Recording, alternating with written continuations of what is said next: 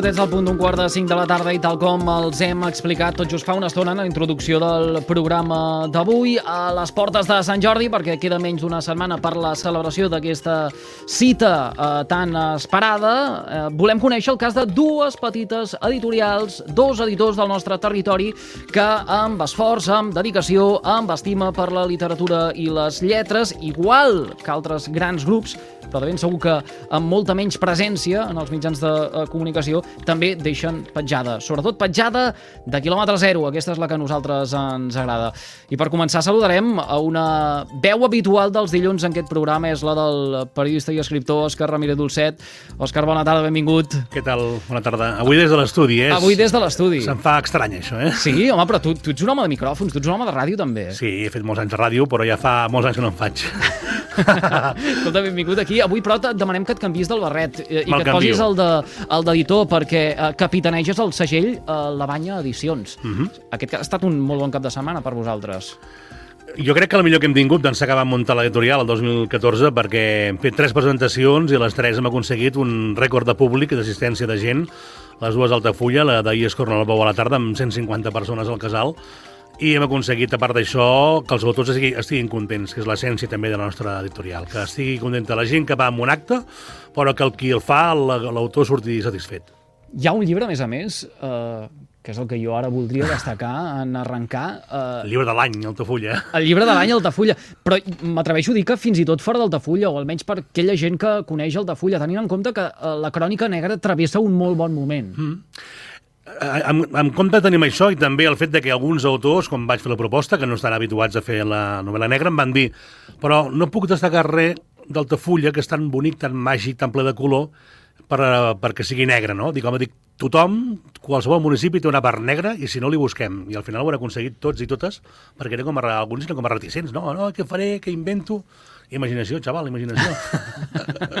Has vingut vestit de negre, a més a més. jo sempre vaig de negre, és un tema de, de, de cos. Hem de dir que comparteix eh, estudi amb eh, l'Òscar, eh, un bon amic eh, seu, que també és eh, editor, i de fet el trobem al capdavant de Ganzell Edicions. Eduard Boada, molt bona tarda, benvingut. Hola, Eduard. Uh, també ha estat un molt bon cap de setmana per, uh, per vosaltres. De fet, heu celebrat el desè aniversari. Sí, el 14 d'abril va fer 10 anys que van començar una mica aquest projecte i aquí estem. Vol dir que ha anat bé, perquè si no, no haguéssim continuat. Home, 10, a- de, eh, 10 anys és un aniversari d'aquells rodons. No sé si el Sant Jordi d'enguany per vosaltres també serà un Sant Jordi especial. No. No perquè el dia de Sant Jordi és el dia que, que descansem Sí? I com a màxim anem a portar llibres si va bé amb alguna llibreria i enguany només tenim una presentació a Pauls. Mm -hmm. però, però bàsicament no sé si l'Òscar opinarà el mateix, però per, per les editorials que no tenim tant de muscle com alguns grans grups doncs, que, que tenen accés a, a moltes més plataformes, doncs en, ens costa bastant de, de destacar més enllà del, del territori on ens movem, que ja coneixem una mica a la gent, als autors, etc. Mira, Sí. sí. eh, jo crec que aquí hem obert el primer meló de la tarda, ja. Eh, ara, de- ara, ara, ara de seguida eh, l'Òscar hi diu la seva en relació a, a tot això. Per cert, eh, vosaltres també esteu de- d'enhorabona més enllà del desè aniversari perquè eh, teniu entre mans eh, aquesta eh, darrera publicació, el concurs i altres contes d'en Roc eh, Salvador, que acaba de sortir del forn. Sí, aquest va sortir divendres, juntament amb un llibre més tipus infantil. Tinc un grill al meu jardí que no em deixa ni dormir, de la Judit Robert i la Cristina Rom. I en acabat també venim de, de... També fa pocs dies que havíem tret el patró de l'Antoni Baciana de Reus. Però bé, també tinc aquí damunt de la taula l'Altafulla en negre, que n'heu que n'he- que n'heu parlat abans, i jo crec que és el que tothom hauria de comprar aquest Sant Jordi, sobretot a Altafulla i al Baix Gaià. Exacte. Tot, tot tot, i que veig autors, molt, eh? tot i que veig autors que són de més enllà, eh, també. Calla, calla, que algú em deia, saps que saps de- que cap d'aquests és, és nascut a Altafulla? Dic, bueno, però viu a Altafulla tothom, al final és el que importa. Sí. Uh, hem de dir que aquest és un programa territorial uh, uh, i, per tant, uh, llibres de Gatzell, uh, llibres de uh, La Banya, llibres. Sí. S'han de comprar sempre, I tant. només entorn d'aquesta data de, de Sant Jordi. Va, eh, fetes les presentacions, per cert, Òscar, mm, de, és un dels grans Sant Jordis per, per vosaltres, perquè en publiqueu mm, fins a quatre, diria, de, de, Cinc. de, de cinc llibres. Sí, llibres publiquem, sí. És un dels, dels més especials per això, perquè enguany ens hem, hem llançat la casa per la finestra, per dir-ho d'alguna forma, tenint en compte que avui ho explicava un altre, un altre mitjà que m'e- que m'entrevistava i li explicava el mateix, no? Dic, tingues en compte que la Banya Edicions és un servidor, la meva dona, la nostra filla, que és la que les que venen a, a vendre llibres, les que m'ajuden amb tota la infraestructura, al final estem parlant d'una estructura molt petita, no tenim ningú en plantilla, tens correctors, maquetadors, tens de tot, eh? traductors, el que faci falta, eh? però, evidentment, és tot gent externa. I és important també perquè jo és el primer cop que vull provar, que no ho he provat mai, de tenir una parada, ho faré aquí a Altafulla com a, com a editorial. Per tant, tindrem aquí muntada la paradeta i hi haurà els autors que vulguin venir locals a signar, tindrem també com a novetat eh, vindrà el Chico Triste, el dibuixant gràfic, mm -hmm. molt amic meu, que presenta el seu últim eh, llibre, La logia de los tontos cojonjuelos, que ningú li vol, ningú li vol eh, li, li volia publicar, s'ho ha autopublicat com sempre, i, i ell farà, a més a més, farà caricatures per la gent que vingui. És a dir, que compres un llibre d'ell i de, de regal la caricatura i ens ho passarem molt bé. Per tant, serà, diguem, el primer cop que em llenço a la piscina i, i assisteixo com a, com a editor, diguem, eh, muntant la paradeta, perquè fins ara feia, com suposo igual que l'Eduardo, que arriba el dia, vas distribuir llibres en un lloc o en un altre, que te'ls, ara són llibres d'àmbit local, no? Llavors et truquen d'un lloc o d'un altre, ens hi portes 10 aquí, 5 allà, i vas anant fent, no? Eh, és de feina. Eh, és, és viure el Sant Jordi d'una manera diferent, estar al darrere d'una editorial i és més, darrere d'una editorial eh, petita, per això que dèieu ara, de que al final Per mi, s'ho per... fa tot un mateix. Sí, però per mi la- l'avantatge, i, i no sé si l'Òscar pensarà una mica el mateix, és que et permet tenir un contacte molt potent amb els autors. Mm, exacte. I alguns dels autors que potser hola i adeu o no ens coneixíem acabem sent amics. Clar. No tots, no és obligatori, No. però, però alguns sí. Però a mi quan m'entra algú a l'editorial o quan, quan parlo amb algú, amb algun autor que m'envia el manuscrit i en acabat li contesto i ens acabem coneixent en persona, ara estem publicant, publicarem al mes de juny dos llibres per dues persones de Vic, per exemple, i hem publicat ara un autor de Mataró, doncs al final quan venen, quan parlo amb ells, els dic el mateix, un avantatge de la banya, almenys jo puc parlar per la meva, no? i evidentment ho extrapolo a, al cas de l'Eduard, l'avantatge de la banya és que el tracte que tenim amb l'autor no el tindrà una gran editorial. És un tracte no. personal, fet a mida, i a més l'avantatge per part nostra que tenim l'agència de comunicació i per tant li fem un servei que entra dins del preu, no, diguem, o del tracte, i que és un servei de premsa, de comunicació, de gestió de mitjans, i, ostres, és, un, és una... La Maria Samplà, per exemple, m'ho deia, no? El primer llibre va fer un altre editorial bastant, bastant més grossa que la nostra, de les terres de, eh, de, de Lleida, i li va faltar, doncs això, el contacte amb gent de l'equip, la presència el dia de la presentació, la gestió d'enviar una nota de premsa mitjans, en fi, de buscar una mica la promoció del llibre, no? Què, què creieu que va buscar algú que vol publicar un llibre en una editorial de les característiques de Ganzell o de la, o de la Panya? Jo una de les coses que penso és que el- que l'autor pugui seguir el procés del llibre. Mm. Sí. I, uh, i, I és un win-win i guanyem tots. O sigui, de que amb, uh, hi ha editorials de tot, i amb una gran també ho pot seguir, evidentment. Però, però clar, des de... O sigui, arribar a posar-nos d'acord amb, amb la imatge de la, de la coberta, no, no, no imposar-la, Molt bé. Aquí a vegades hem tingut problemes també, perquè un autor ha volgut una, nosaltres hem volgut una altra, Sí. tot, tot són negociacions i al final per un bé, que és que el, el llibre, el producte, diguem-ne, sigui el màxim doncs, maco possible i que, i que tothom ne quedi content, no? Que això és molt important, perquè la portada, com bé sabem, encara que no hauria de ser així, però és igual, eh, hi ha el contingut i el continent, no? Doncs, eh, la és la imatge, no? És la imatge, exacte, i la gent menja pels ulls, no? I per tant és important la imatge, a vegades et topa frontalment eh, amb el que tu voldries, per exemple, i el que deia eh, l'Eduard, no? Un dels primers que van publicar la- l'any passat, que era un, uh, un poemari d'un noi de Girona, eh, li vaig fer tres propostes, sempre faig tres propostes de portada, ben diferenciades, doncs no em va voler cap i va triar les típiques màscares de teatre de, de trist i alegre, no? Les vam, les vam canviar de color, de posició i tot, però al final ell insistia i no, i no hi havia forma de fer-li canviar. Bé, al final li vam, li vam, perquè se sentís més còmode, li vam posar aquelles màscares, però evidentment era antagòniques al disseny que havíem fet nosaltres i que era molt més atractiu sota el nostre punt de vista, no? Era una foto comprada, una imatge molt, uh, molt referenciada al contingut del llibre, i al final, perquè sentís més còmode ell, vam cedir en aquest cas, eh, però és el que deia l'Eduard, no? normalment les, les grans editorials t'imposen la portada i punto pelota, i d'allà no en surten, eh? Vull dir, no. hi ha el que hi ha, eh? Què s'arriba a negociar en el cas d'una editorial d'aquestes dimensions? Es negocia tot? El tracte proper fa que eh, hi hagi més confiança Uf, per... a vegades t'agafen, perdó l'expressió, t'agafen de les pilotes al màxim, eh? El Joel Santa sí? Maria, el Joel Santa Maria et podria explicar el contracte que té amb la seva editorial, que és Espassa, per exemple, eh? I, i els fan firmar contractes, eh, doncs, per exemple, ell durant, eh, crec que són 8 anys, no pot publicar cap altre llibre en cap altre editorial. És a dir, tanquen la porta i ells, si volen, te la publiquen, i si no, no. És a dir, ells no et garanteixen que puguin publicar cada any si tu vols fer un llibre. No, no. Mm. Ells durant 8 anys te publiquen quan amb ells els surt de, del monyo i a partir d'aquí eh, buscant la vida i no publiquis en ningú més. Per exemple, eh, això és un tracte que a mi em sembla... Sí, una mica com els músics. Exacte, no? sí, sí, sí, sí. Que queden fermats a la terra com Exacte. a l'edat mitja. Sí, senyor, sí, sí. És, és, eh, a mi em sembla una mica com a... El que passa que amb les grans editorials a vegades això surt bé, però a vegades ets el perifèric i, i no, tampoc te promocionen. Dius, ostres, publico amb un segell super conegut, però clar, tu ets dels perifèrics. Exacte. I, i tampoc surts massa a la llum. Clar. Eh, això sí, estàs ben distribuït, etc.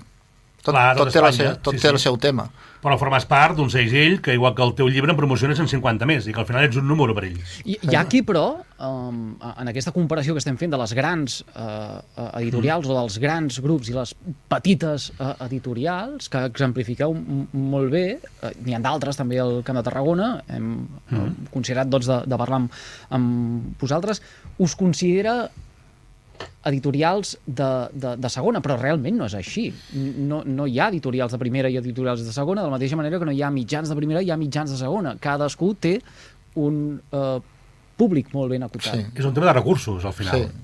És, és un tema d'estructura econòmica i humana. Sí. No hi ha altre. El fet diferencial és aquest, la qualitat dels llibres és la mateixa, és a dir, al final acabes imprimint amb una impremta. No, ho fas amb un soterrani, m'entens? Ho fas amb una impremta com fan ells. El que passa que nosaltres, eh, quan ha passat un temps els llibres no els destruïm. Exacte, no fem pasta. Les grans editorials molts cops fan, fan pasta de paper i els destrueixen i tal. Jo sé d'una persona que, ara, que va morir, diguem-ne ja, de Tarragona, que va veure com abocaven un camió de llibres d'una institució supracomarcal i se'n va agafar bastants i es va fer una tauleta al seu mas de, per fer les potes.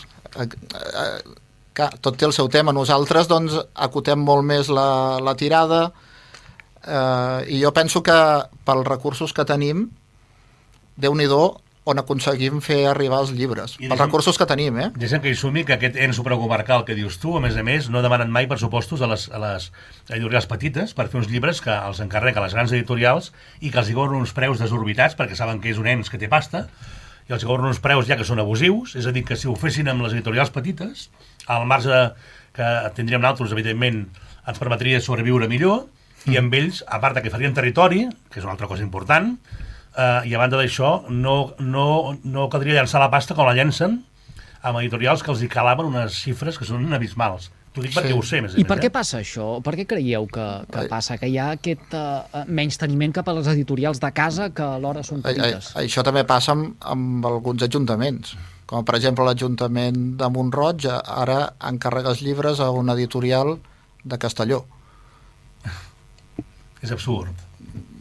És absurd. Són amistats i, ah. i han quedat un altre tema. I a vegades hi ha comissions, no, i, pel mig, també. I eh? també jo penso, a, a nivell com a ganzell, no? Quan passa això és que no ho fem prou bé. Sí? Que, que, Clar, creus això? potser triguem... O sigui, pel muscle que tenim, potser per treure un llibre triguem més temps, també perquè ajustem més el preu, perquè si tu una persona com aquesta, en comptes de pagar X, doncs paga, la pots tenir en plantilla i tot el dia, llavors, clar, pots, pot ser més ràpid. O sigui, jo tampoc vull dir els petits som molt potents i els grans són no. I a mi en algunes coses m'agradaria ser més gran perquè potser aniria més descansat. Però, és una mica una barreja. Però jo també faig la- l'autocrítica. és el tema de l'home orquestra, a vegades, que no pot tocar com una orquestra sinfònica. Sí, però segurament que sigués més aposta dels ajuntaments, quan els, citaves amb ells com a ensos primers, com a ens primer d'àmbit local, no? Sigués més aposta pel territori, segurament que eh, anirem més esponjats econòmicament, Clar. tindríem la capacitat de contractar més gent, Clar, és a dir, podríem créixer amb estructura, que al final el que no ens permet potser complir amb els terminis o, o amb preus és que Clar. ens falta l'estructura perquè, evidentment, no tenim tants diners com per arriscar. És a dir, cada cop que tu Clar. publiques un llibre és una aventura, perquè no saps quants en vendràs, quants, quants se'n quedaran per vendre... Està dir, clar que qui se la juga més és l'editor petit. Clar, perquè tu has d'avançar Sí. sí. la, la pasta directament de la teva... Sí, tot, tot, tot, tots ho fan de la seva butxaca, però tu, en aquest cas, molts som autònoms, ho fas directament de la teva butxaca, i cada, cada projecte, cadascun dels... Jo n'he publicat cinc. Són cinc que són... Eh, són cinc ferides obertes que de moment estan sagnant i que s'han d'anar tapant i que, escolta'm, al final n'estic convençut, eh? vull dir, a la tarda, eh, ahir, per exemple, a Escorre el Bou vam superar amb escrells el que costava l'edició, perquè vam vendre moltíssims llibres, però altres vegades no. Jo tinc llibres publicats l'any passat que encara els tinc tancat en vermell, per exemple. Heu Ja, hagut- els, ja els tancarem amb... Ja, ja, ja tancarem el vermell, però encara estan en vermell. I en aquest sentit, eh, heu hagut de dir mai que no a un projecte perquè... sí, Mm. clar, ca cada mes. Sí? Ca- Cada mes, clar. O sigui, perquè... I, i, fan, I cadascú fa la feina que ha de fer. O sigui, el, els autors te van enviant originals o, o gent que coneixes te'n proposa. Alguns estan molt bé, però no, no, no pots. Pel, precisament pel volum econòmic que cada llibre significa. Clar. O sigui, l'any passat, per exemple, doncs hi va haver un llibre, que no, no diré el nom, perquè m'hagués agradat molt de fer, però no, no, no m'hi vaig poder arriscar perquè les característiques del llibre, doncs, etc etc. Eh, depèn. I en acabat tornant al tema dels ajuntaments, per exemple, nosaltres fa, fa 10 anys que ens vam fundar, ens vam fundar a Tarragona, ara tenim dos seus, a Tarragona i a Montroig. L'Ajuntament de Tarragona en 10 anys no ens ha encarregat mai ni un llibre. Ni un. En canvi, el de Reus sí. A mi també, a Reus també. A a Reus l'Ajuntament ens han encarregat un a parell. No, no me l'han encarregat, però, però m'han donat un ajut econòmic per un llibre. Quan Clar, vaig fer el de la ràdio a Reus. Sí. És curiós. La Cambra de, de Comerç de Reus doncs, també hem fet coses amb ells. Amb la de Tarragona, doncs... Clar, les institucions són com molt reactives. Tu has d'anar allí i ells te diuen que presentis a la burocràcia el que sigui, però jo penso que també haurien de ser una mica més propositives. I, i tornant una mica al- als orígens de Ganzell, per el tema de, de la implicació personal també, no?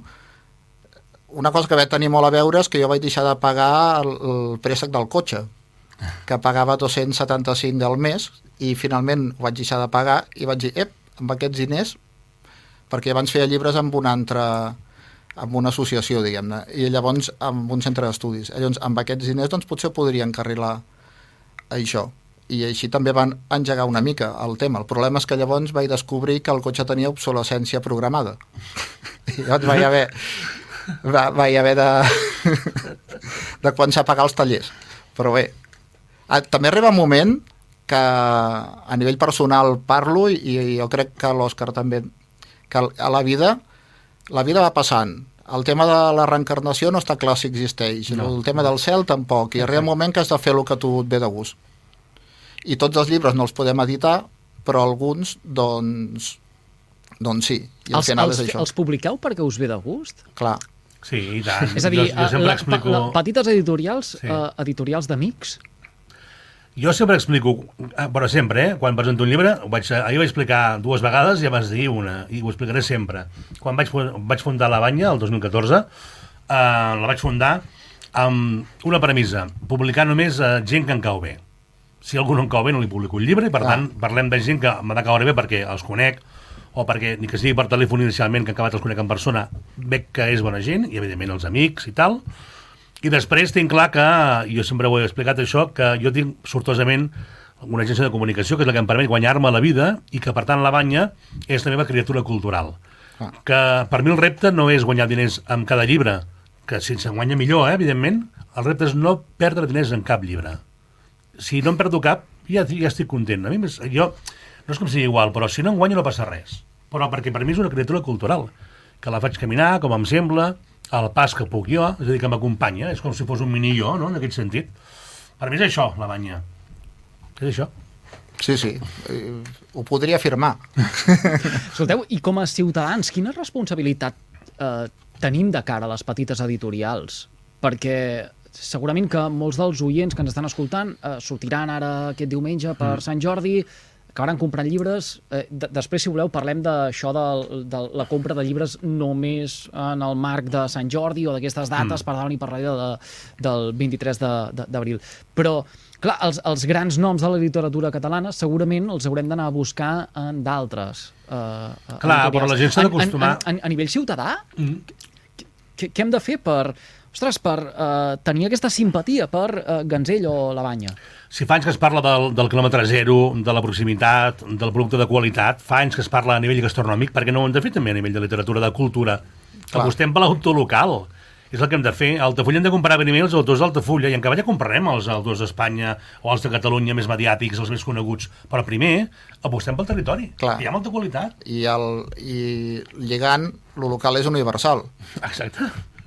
Per tant, el que passa que nosaltres no tenim suficientment muscle, suficientment pressupost, per exemple, nosaltres vam, vam treure un parell de llibres sobre els pagesos, un del Forge i l'altre de Montroig, que eren d'assaig, Boníssims, per cert, que els tinc, molt bon. però, però parlant a, amb l'autor que explicava les seves peripècies, quan se n'anaven a Perpinyà a, a veure el Joan Gamundi, no? se n'anaven a Perpinyà i anaven a la Catalunya Nord doncs, a veure camps de cultius, els explicaven, etc etc. i a la presentació que van fer a Montroig surt una dona també pagesa, doncs ja jubilada d'aquesta època, i diu, sí, però el que no vau dir és que Sant també va anar a veure pel·lícules verdes. eh, llavors, són, són coses d'una època que jo vaig, jo vaig pensar, dic, ostres, dic, si aquest llibre fos sobre un grup de pagesos de- d'aquella zona d'Estats Units que tots van amb la camisa a quadres i, i voten el tram i tot això, tindrien un documental Ah. perquè, perquè el que van fer, aquesta gent van modernitzar l'agricultura. O sigui, va passar de l'agricultura tradicional a, a l'actual i no han estat doncs, posats sobre la taula més enllà del, del, del món local, no? I és això, doncs, que nosaltres fem llibres locals però és, és universal. Aquest llibre, per exemple, del Roc Salvador, el concurs i altres contes, doncs són, són relats, alguns relats doncs podrien funcionar perfectament a tot arreu. Que passa que, clar, a TV3 quants cops ha sortit la banya des de que es va fundar? Mai, ni sortirà, ni sortirà, clar, estem a lo de Mira, sempre. això m'agrada perquè ara aquí estem fent referència a unes piulades que l'altre dia vaig estar llegint eh, per Twitter en què reivindicava això, no? Que, ostres, eh, si hi ha una data eh, per eh, posar en relleu la feinada que fan escriptors i editors del nostre territori, per què no es tracta tu per, per igual? No, per exemple, a TV3 nosaltres hi hem sortit un cop. L'any passat, perquè vam fer un llibre doncs, el, doncs molt, molt potent de- d'un retratista, Roca de, de Tortosa, de, de la Marina Pallàs, el Roc Salvador i el Quino Panicella, que va ser el més venut a Tortosa i, i, va, i va sortir. Però penses, ostres, en, en 10 anys hem fet hem generat bastantes més notícies per Jo un cop. et diré més, eh, quan vaig fer el llibre de l'Ariel Santa Maria, de les, de les seves memòries polítiques, el va entrevistar a Telecinco, a Televisió Espanyola, però no a TV3. Imagina't, per exemple. I podríem parlar de Catalunya Ràdio, també. Sí, exacte, más de lo mismo. O dels programes literaris de, de Catalunya Ràdio. Ah. És que al final, aquí també hi ha un tema. Uh, tot això és economia. I nosaltres ens hi juguem els quartos a nivell personal, una miqueta, però podem anar fent, però hi ha grups molt potents, que darrere hi ha accionistes o el que sigui. I aquests grups copen quasi tots els mitjans de comunicació a nivell públic, eh, tant a nivell espanyol com a nivell català. Jo penso que això és universal i a França deu passar el mateix. I llavors és, és complicat sortir per allí. Nosaltres som els pagesos de les lletres. Molt bé. és, és la definició. Si, si tanquem paradeta no passa res, i si deixem el camp eh, erm, doncs tampoc, escolta'm, ja no passa res. Hi ha més camp. Quin és el repte que té una editorial petita a curt, mitjà termini? Jo parlaria a llarg termini. eh, jo sóc historiador. D'aquí 200 anys, o quan sigui, que algú vagi amb una biblioteca, amb un arxiu o, o en algun lloc, trobi un llibre i que, clar, el tema paper poca cosa per viure... O sigui, tot el digital està molt bé, però d'aquí 200 anys existirà, el llibre sí. Mm. Llavors, i que el pugui, i que el pugui fullejar i digui, què feien al Camp de Tarragona la gent a l'any 2023? Evidentment no només som nosaltres, hi ha molta més cosa, però el llibre romandrà, el paper hi serà. Exacte. Jo cada cop que faig un llibre faig 15 exemplars més perquè els distribueixo, els, els envio a les biblioteques principals de Catalunya, perquè d'alguna forma vull que tothom vingui, com ara abans compraven les biblioteques llibres, però ara ja no es donen pressupost i no compren res. I per tant els envio gratuïtament perquè com a mínim algú de Barcelona, de Lleida, de Girona, d'Altafulla, de Tarragona, de Reus, de Tortosa, de Falset, tinguin la possibilitat de llegir llibres de, de la banya.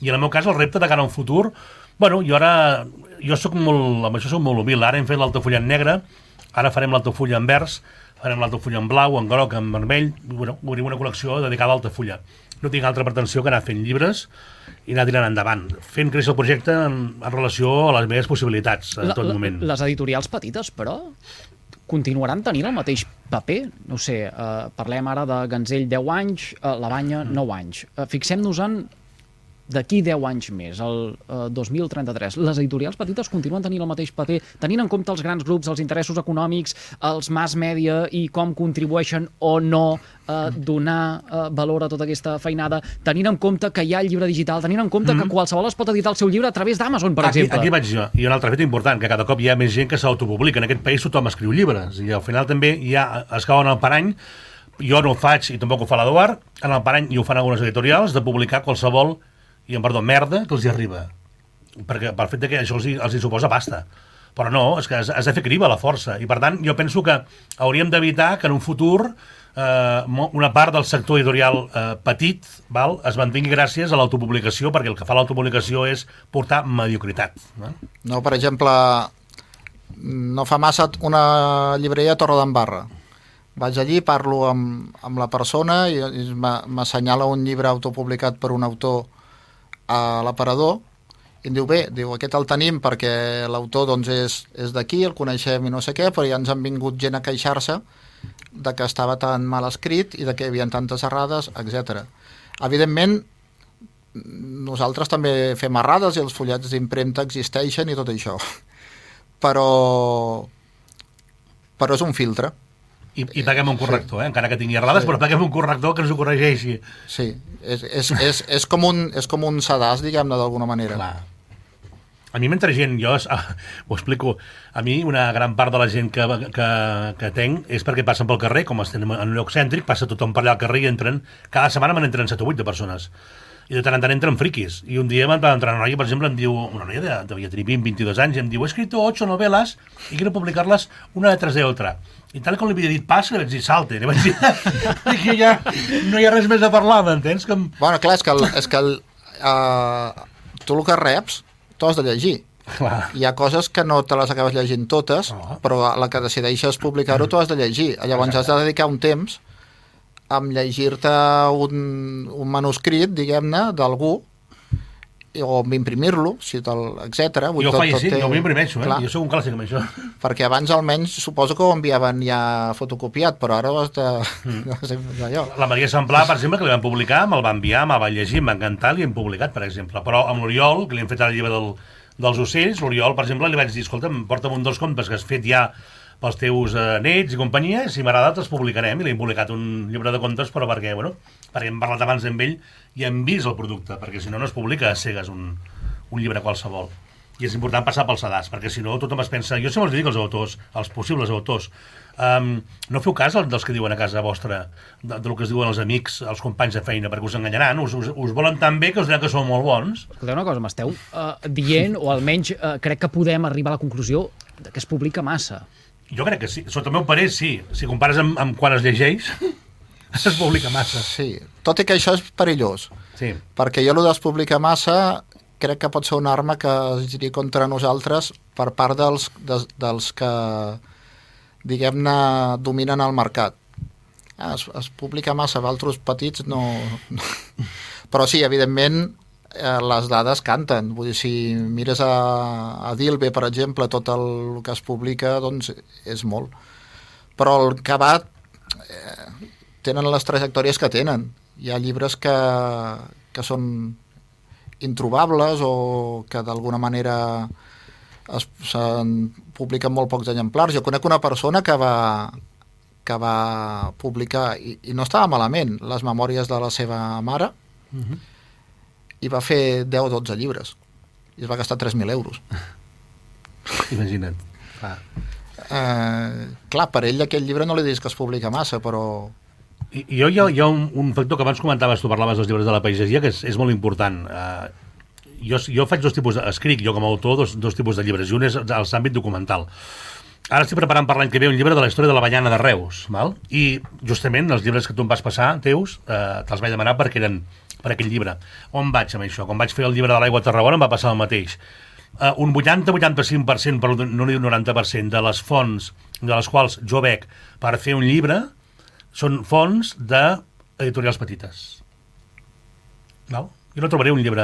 Estic preparant un altre llibre de la, de, de la despoblació, per exemple. Clar, però, però m'estàs dient ara que ja hi ha una predisposició, una simpatia per les editorials petites o pel eh, territori, Clar. per aquesta aposta però generalment aquesta predisposició en l'àmbit ciutadà no, no ho trobem. No, si no, no estaríem envoltats de parcs temàtics de mm. supermercats, per exemple, i aniríem Clar. tots a, a comprar la botiga de tota la vida, la que puja la persiana just al costat de casa. Clar. Sí, sí. Però estem en un moment en el qual ho comprem a Amazon i, i punto, i la gent, no, la, la, gent, la gent sap perfectament què és Amazon i com tracta els seus treballadors, però segueix comprant-hi, perquè passem per damunt el moment que tenim i en la nostra zona de confort, en tot moment, la baixem per sobre dels interessos que pugui tenir un senyor, una multinacional o un senyor particular, una empresa gran o una de petita. Si fóssim realment coherents amb el que pensem o, o amb, el que, amb el que diem públicament, no? que ens omplim la boca de que defensem els, eh, els qui més ho necessiten, realment no compraríem a Amazon, aniríem a comprar les llibreries a, a peu de carrer, m'entens? No, aquesta comoditat, que és molt bonica, eh? que et portin un llibre a casa abans de les 10 de la nit, tot el portin el dia següent, doncs te l'evitaries anant, agafant el cotxe o caminant, anant a la llibreria, parlant amb el teu llibreter, i resseguint-te les prestatgeries i mirant-te i hmm. comprant. Mm. Que és el que hem de fer amb tot, eh? amb llibres, amb, amb tot. Sí, sí. Escolteu, no ens podem allargar gaire més. Uh, ja, això, clar, com som petits, ara ja ens treu sí, temps. Sí, minutets i ho haurem de, de deixar. En tot cas, us vull preguntar, pel, amb aquesta trajectòria de, de 10 anys, què és el que us fa sentir més orgullosos de, de la feina feta en les vostres editorials?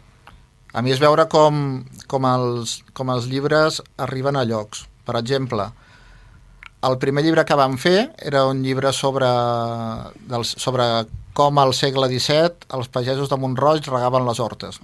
D'acord? Llavors, a, a aquest llibre, una llibreria de Barcelona eh, em comenta doncs, que volia que li enviés un i vaig pensar, dic, curiós, no, perdó, de Madrid, una llibreria de Madrid, dic, dic de Madrid en, en català, d'allò, però bé, vinga. I llavors el de la llibreria mateix me diu que li havien encarregat des dels Estats Units. No, no em va dir qui, però dius, bé, doncs la feina la feina feta eh, aquí doncs ha arribat ha arribat amb algú que pel motiu X que no se sabrà mai perquè som petits però no som tontos i també sabem utilitzar les xarxes, també sabem moure'ns, etc. I jo et contestaré de forma molt senzilla. Quan m'has trucat a les 4 i un minut, diem, eh, que no arribes, que no arribes, estava tancant la compra d'un moble, d'una d'una passatgeria de color negre que he comprat molt xula, que col·locaré l'editorial, on col·locaré tots els 25 llibres que he publicat fins ara. Jo crec que el meu regal és mirar-me aquell moble veient el que he publicat fins ara perquè va néixer com un somni que lentament estic portant a terme. Escolteu, uh, hem començat parlant de Sant Jordi. Ja sé que aquí tenim dos uh, casos que no s'assemblen uh, gens en com viuran el Sant Jordi del 2023. Què n'espereu, uh, però, d'aquest uh, dia del llibre per part d'aquells que ens puguin estar escoltant des de qualsevol racó del Camp de Tarragona? Que les llibreries venguin molt, Mm. I nosaltres tenim els llibres a les principals llibreries del Camp de Tarragona i Terres de l'Ebre i si venen molt, una part petiteta de lo que venguin seran els nostres llibres. Res a afegir. És això. Sí, sí, al final és això.